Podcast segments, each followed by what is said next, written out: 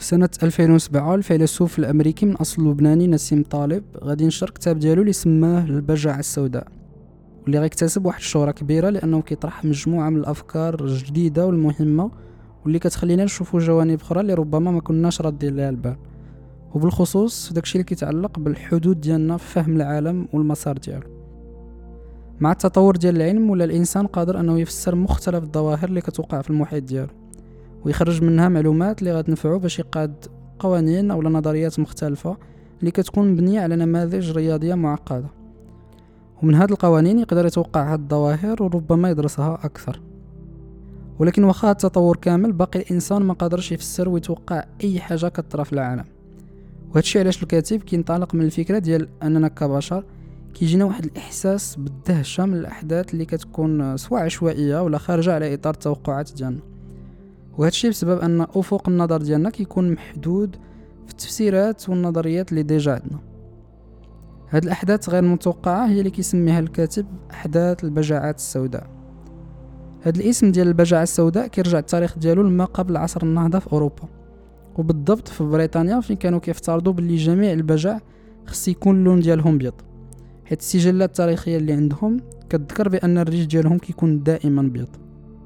وهذا الشيء علاش هذا المصطلح ديال البجعه السوداء كان كيتستعمل كتعبير على شي حاجة اللي مستحيلة توقع أو لا شي حاجة اللي إذا وقعت فهي غادي تغير بشكل كامل النظرة ديالنا لواحد الموضوع أو لواحد النظرية.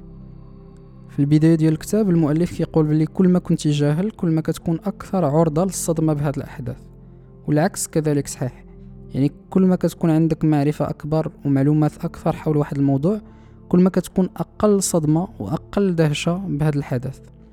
ناخذ مثال جد بسيط وهو شخص اللي ما عمره مثلا قرأ الفيزياء.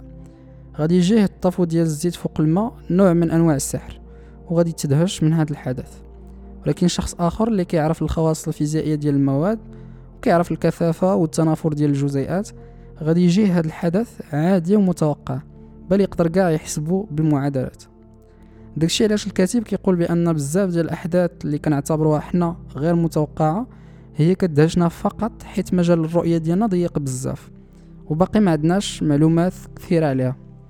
وهذه أول فكرة أساسية كينطلق منها نسيم طالب. الفكرة الثانية هي أن كثرة المعلومات على واحد الحدث أو على واحد الموضوع ما كتعنيش بالضرورة أنك غادي توقعه بشكل صحيح. غادي ناخذ مثال آخر اللي تذكر في الكتاب وهي التجربة اللي دارها واحد ال psychologue اللي عطى الناس مجموعة من المعلومات والبيانات على بزاف ديال الرهانات ديال سباق الأحصنة. وطلب منهم أنهم يختاروا 88 متغير أو لا variable اللي غتخليهم يحسبوا الاحتمال ديال الفوز ديال شي حصان. هاد المتغيرات فيها جميع أنواع المعلومات الإحصائية على العروض اللي دازوا ومن بعد عطى لهاد الناس أكثر عشرة ديال المتغيرات اللي مفيدة. وطلب منهم يتنبؤوا بالنتيجة ديال السباق. ومن بعد زادهم عشرة ديال المعلومات أو متغيرات أخرى وطلب منهم يتنبؤوا مرة أخرى.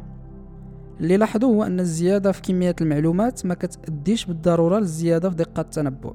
ومن ناحية أخرى لاحظوا أنهم طلعات بزاف الثقه ديالهم في الخيارات ديالهم ملي زادهم معلومات أكثر رغم أنهم غلطوا في التوقع. وهذا الشيء اللي كيثبت باللي بعض المرات كمية المعلومات الكبيرة تقدر تكون سامة للإنسان وتخليه أنه يثق في راسو أكثر من المطلوب ويخطأ في التنبؤ. فكرة أساسية أخرى هي أن المعرفة ديالنا للماضي وكاع المعلومات اللي جمعنا عليه ماشي بالضرورة تكون مؤشر اللي غينفعنا باش نتنبؤوا ولا نتوقعوا المستقبل. غيكون صعيب علينا نتوقعوا المستقبل بناء فقط على المعلومات اللي عندنا على الماضي. وباش نفهموا الفكرة غنتخيلوا واحد الديك رومي آه، تركي كيعيش في واحد البيت وكل مرة كيجيب له مول البيت أو مول الدار الماكلة وكيخليه مخبي من البرد في الليل.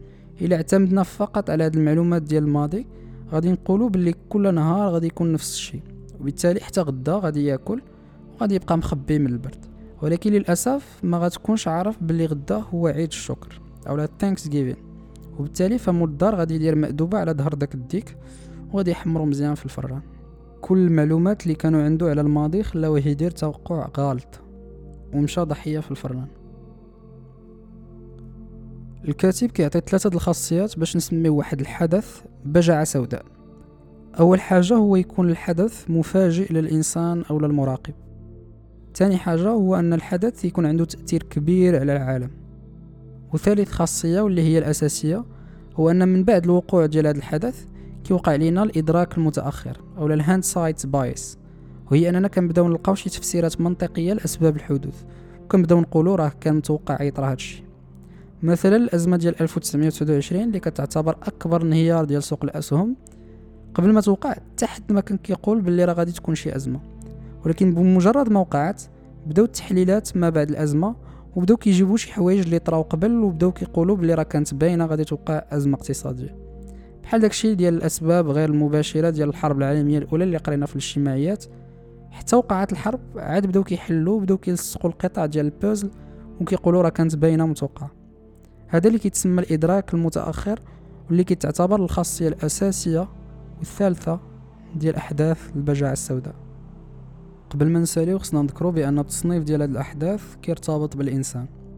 يعني داكشي اللي نقدروا نصنفوه كحدث غير متوقع عند شي إنسان يقدر يكون متوقع عند إنسان آخر. بحال المثال ديال الديك الرومي الحدث هو غير متوقع بالنسبة له ولكن في نفس الوقت راه كيتعتبر حدث عادي وطبيعي بالنسبة للمولد وربما كان كيوجد له أسابيع قبل. الهدف الأساسي ديال الكاتب ماشي هو محاولة التنبؤ بالأحداث اللي غير متوقعة ولكن هو نبنيو ونعزو المقاومة والقوى العقلية والنفسية والأفكار ديالنا أمام هاد الأحداث السلبية غير متوقعة. الحياة قصيرة وكل ما بقيتي كتستريسي وكتخاف من الأحداث غير متوقعة اللي تقدر تراك في اليوم فأنت فقط كتزيد تقصرها أكتر. ما تنساوش الأشخاص اللي بالنسبة لهم هاد الأحداث آه، وهاد الانفجارات والاحتمالية ديال الموت هي أحداث طبيعية وكيتسناوها وكيتوقعوها ربما كل نهار. ما غاديش نقول كيف ديما تهلاو في راسكم ولكن غادي نقول فكروا فيهم وتعاطفوا معهم